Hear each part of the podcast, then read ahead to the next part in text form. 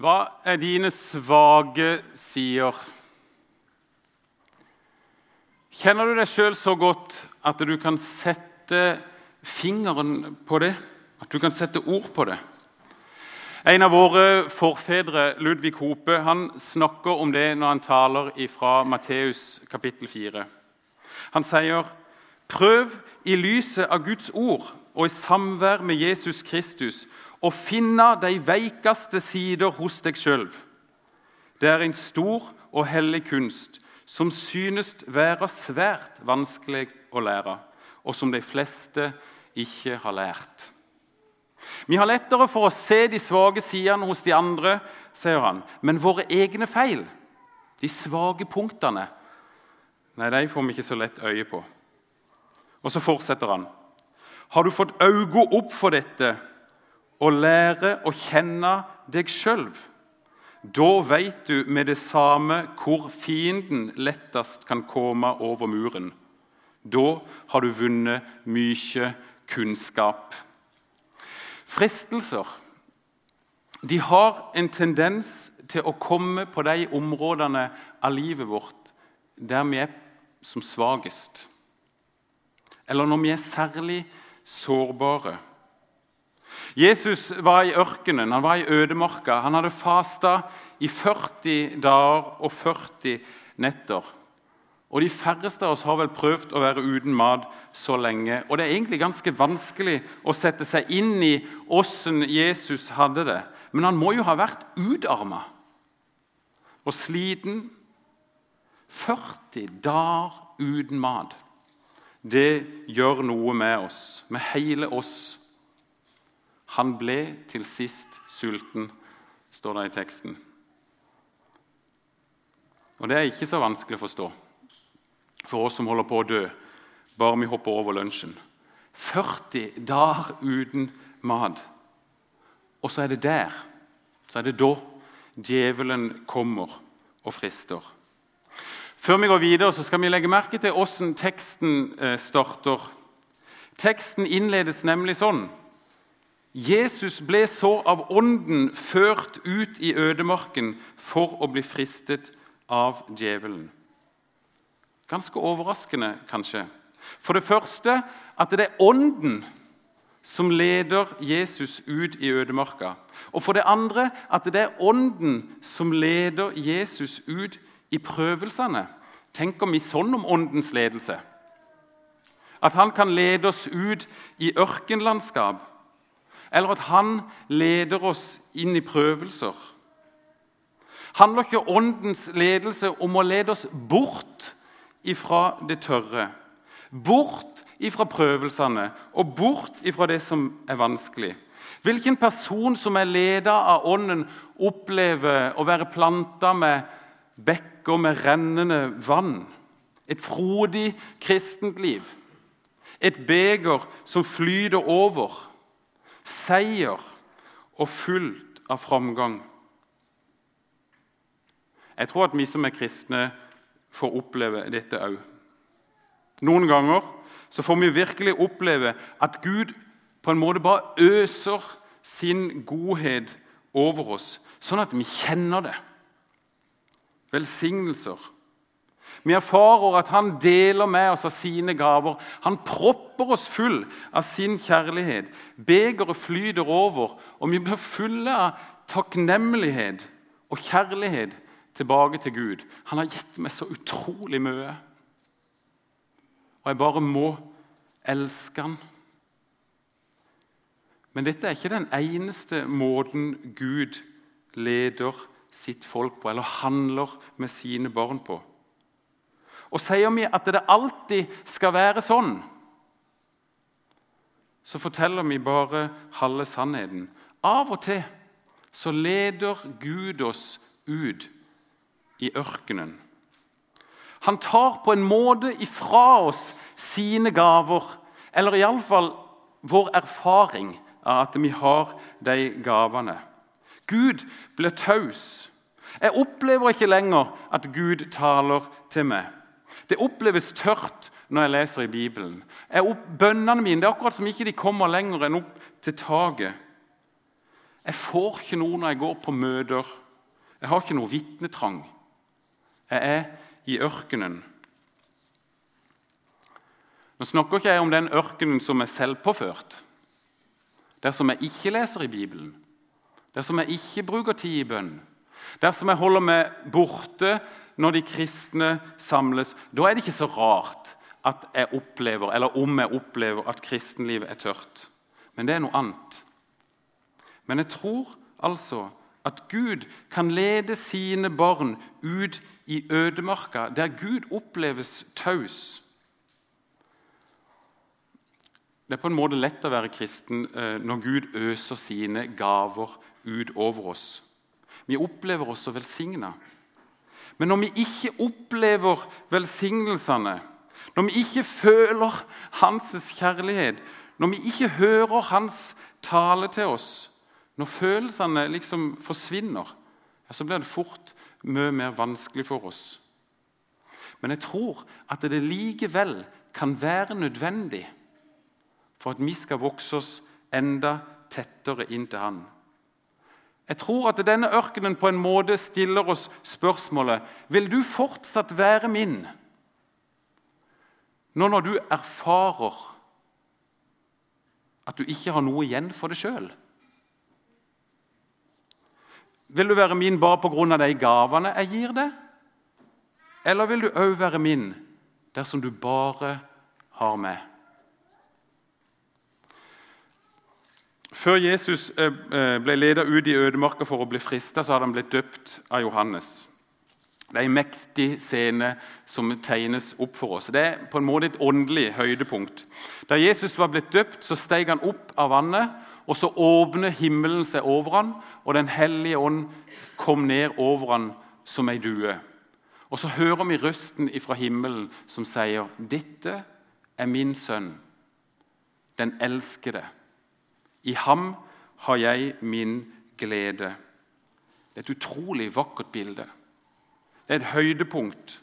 Og jeg har likt å stille meg der ved siden av Jesus og fått høre, det, høre røsten fra Gud som sier at pga. det Jesus har gjort, så elsker jeg deg òg, Jørn.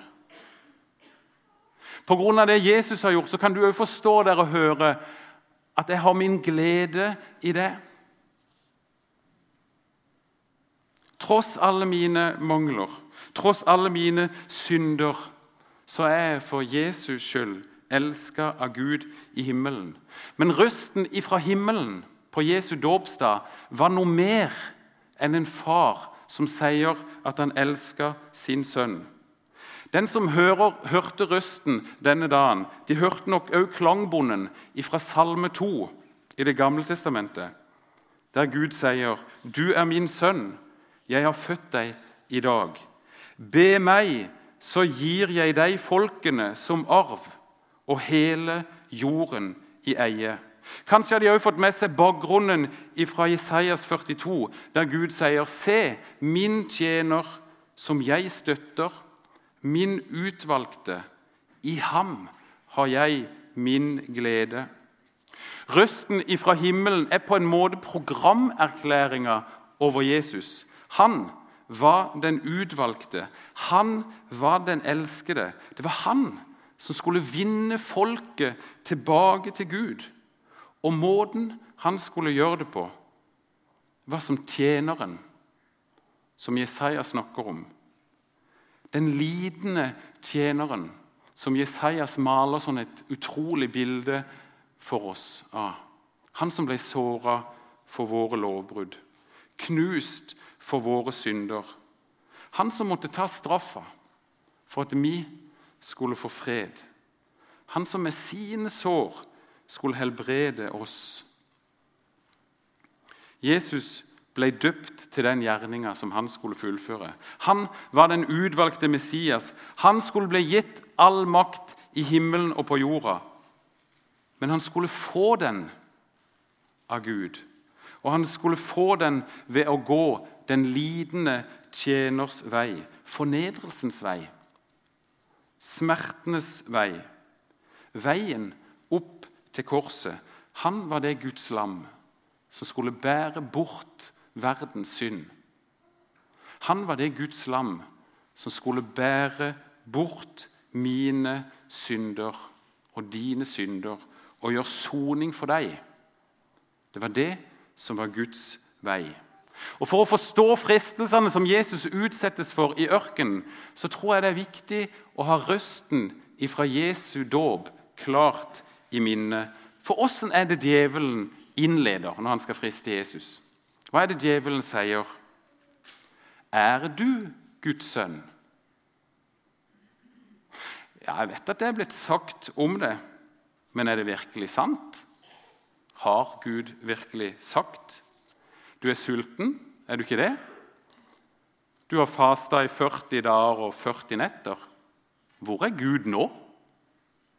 Hvor er han som sa at han skulle være din far? Hvor er han som sa at du var hans elskede? Er du Guds sønn? Bevis det. Gjør et lite under. Det var jo ingen problemer for Jesus å gjøre steiner til brød. Det var jo ikke det. Seinere så, så, gjorde jo Jesus vann til vin. Og han metta mange mennesker med bare noen få fisker og noen få brød.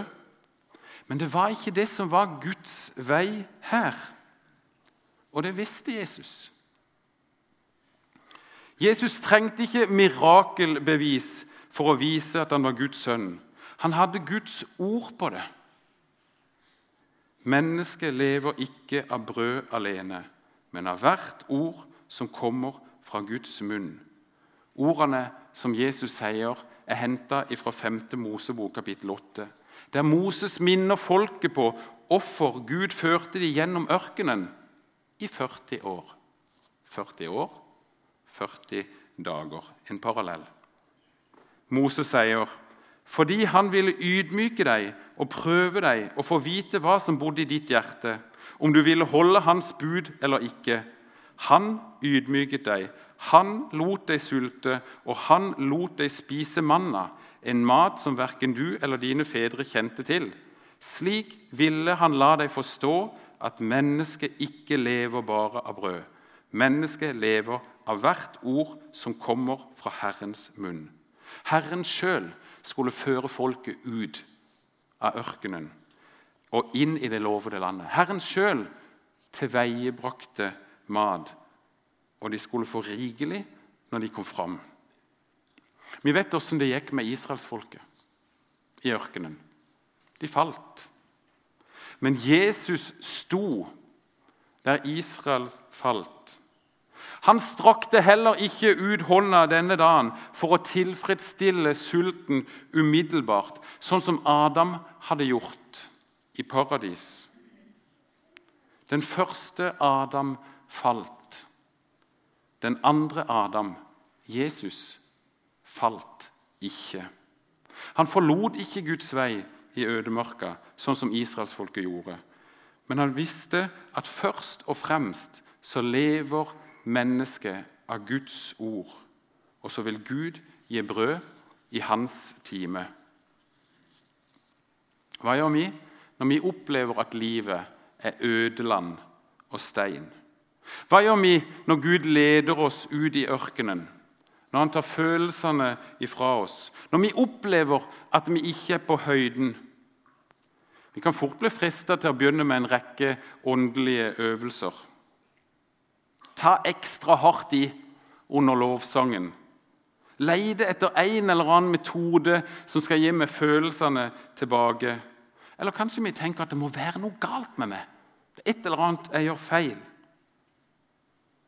Når Gud fører oss ut i ørkenen, så tror jeg han gjør det for den vil føre oss dypere inn i fellesskap med seg.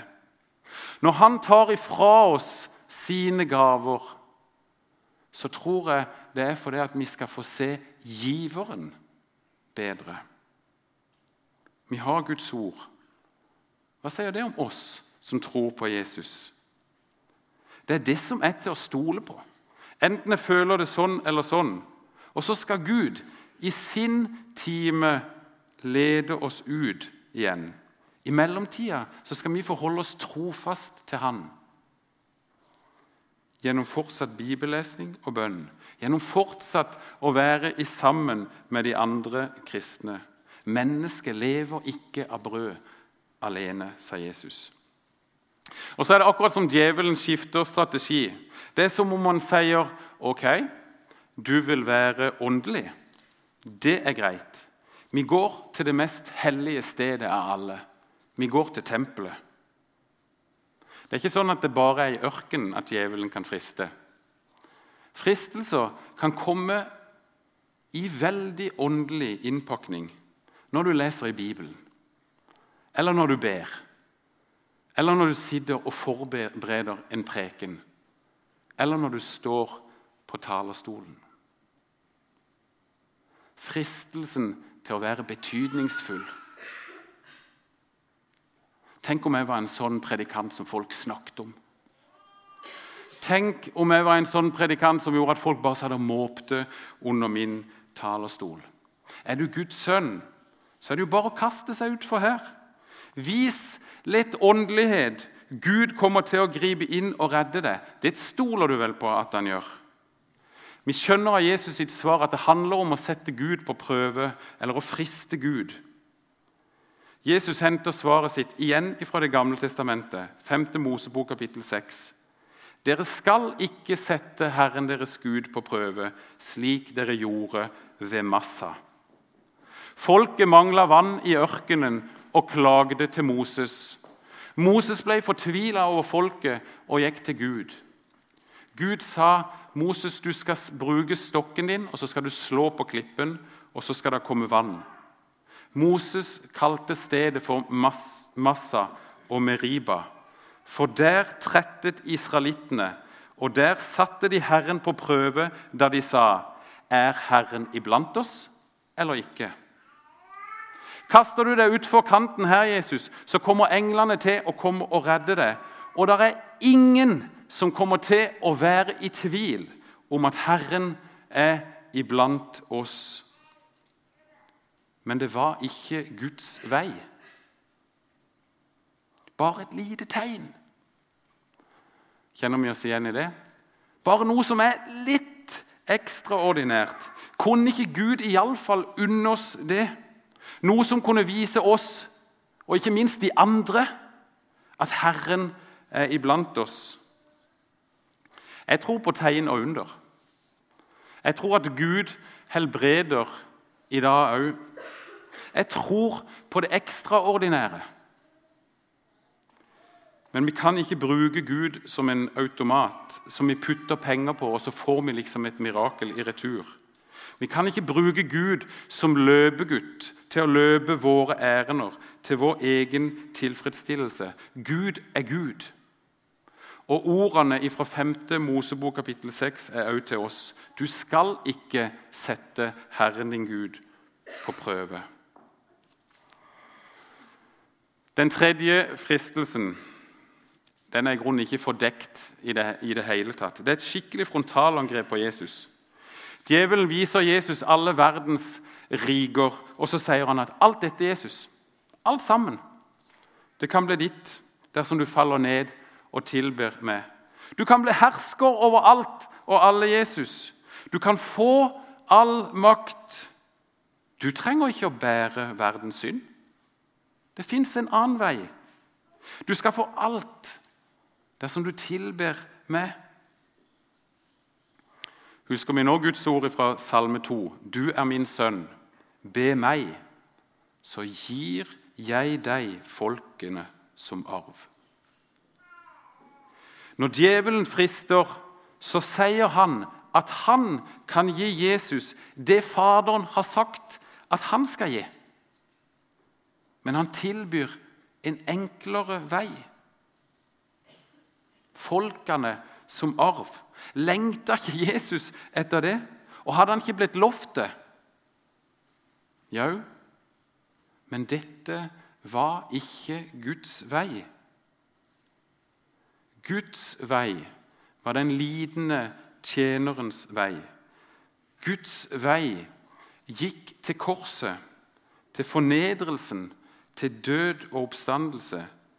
Guds vei var at Jesus måtte møte Gud med mine og dine synder og gjøre soning for deg. Bare sånn kunne vi komme i et rett forhold til Gud. Det fantes ikke noe enklere vei skulle vi bli frelst. Det fantes kun én vei. Bort fra meg, Satan, sa Jesus. Denne fristelsen til å ta en enklere vei den møtte Jesus flere ganger gjennom livet. Det var ikke ferdig med denne gangen. her. Han møter han han spør disiplene om hvem folk sier at menneskesønnen er. De svarer at noen sier døperen Johannes, noen sier Elia, så er det noen som sier Jeremia eller en av de andre profetene. Men dere, da? spør Jesus.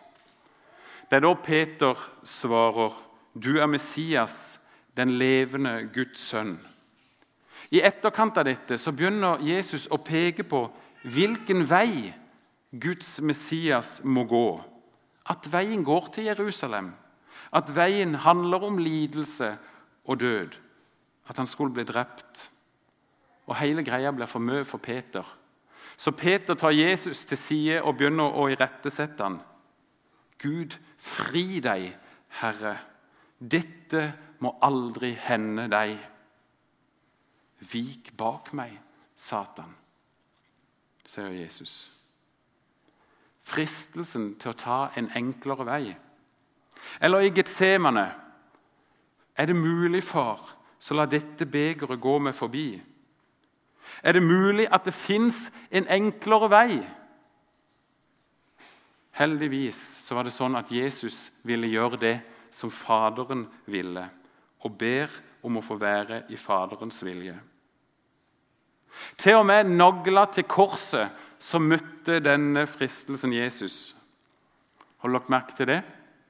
Når de sier nå kan han stige ned fra korset, så skal vi tro på ham. Det var jo derfor Jesus kom. For at mennesker skulle tro på ham. Men det var ikke dette som var Guds vei. Og Jesus ville gå Guds vei. Han falt ikke der Adam falt. Han falt ikke der israelsfolket falt. Jesus falt heller ikke der du og jeg falt. Der du og jeg faller. Selv om han er prøvd i alt, i likhet med oss så falt Jesus aldri. Og på grunn av det så kan du og jeg leve i Guds nærhet. Fordi Jesus var lydig, fordi Jesus gikk Guds vei, så har han åpna en vei for deg og for meg helt inn i Guds nærhet. På grunn av han så kan vi få være der med frimodighet. Som Guds tilgitte og elska barn. Det hadde vært katastrofalt for oss dersom Jesus hadde valgt en enklere vei. Da hadde ikke vi hatt noen grunn til å samles her i dag. Da hadde ikke vi hatt noe håp å gå med til Indonesia. Og vi hadde ikke hatt noe håp for evigheten for noen av oss. Men Jesus valgte ikke en enklere vei. Heldigvis. Hvor har du dine svake sider? Når er det du opplever at du blir utsatt for fristelser? Handler det om å søke egen tilfredsstillelse? Eller sette Gud på prøve? Eller handler det kanskje om å gå en mer lettvint vei? Jeg tror det kan være nyttig for oss å lære oss sjøl litt bedre å kjenne. For da kan vi gå til Gud med det. Gå til Gud med svakhetene våre og si at her det er her jeg opplever kampen. Her blir jeg frista gang på gang, og det er ikke alltid jeg klarer å stå imot. Forfaderen Hope han sier at vi må ikke glemme å nevne synda med dens rette navn for Gud. Og Han fortsetter i talen sin.: Du som kjemper og vært freista, har du funnet denne vegen. Tenk om du fikk øynene opp for dette og så tok til å si alt til Gud, akkurat som det er. Tror du ikke at du da ville finne fram? Når du, mor, vært freista til å hakke og småkjenne på borna dine mest hele dagen, og du, far, går og knurrer for alt og ingenting, tror du ikke at du fikk hjelp når du så dette og gikk til Gud med det? Og så skal vi òg ta med oss ordene fra 1. Johannes brev kapittel 2. Men om noen synder, har vi en talsmann hos Far, Jesus Kristus, den rettferdige. Han er en soning for våre synder. Ja, ikke bare for våre, men for hele verdens. Og denne talsmannen, han er ingen hvem som helst. Han er Jesus, øverste presten, som er prøvd i alt, men som aldri falt. Skal vi be. Herre Jesus, vi vil takke deg for det at du var lydig til å gå på den veien som Gud hadde lagt. Herre, vi takker deg for at eh, du sto der vi falt.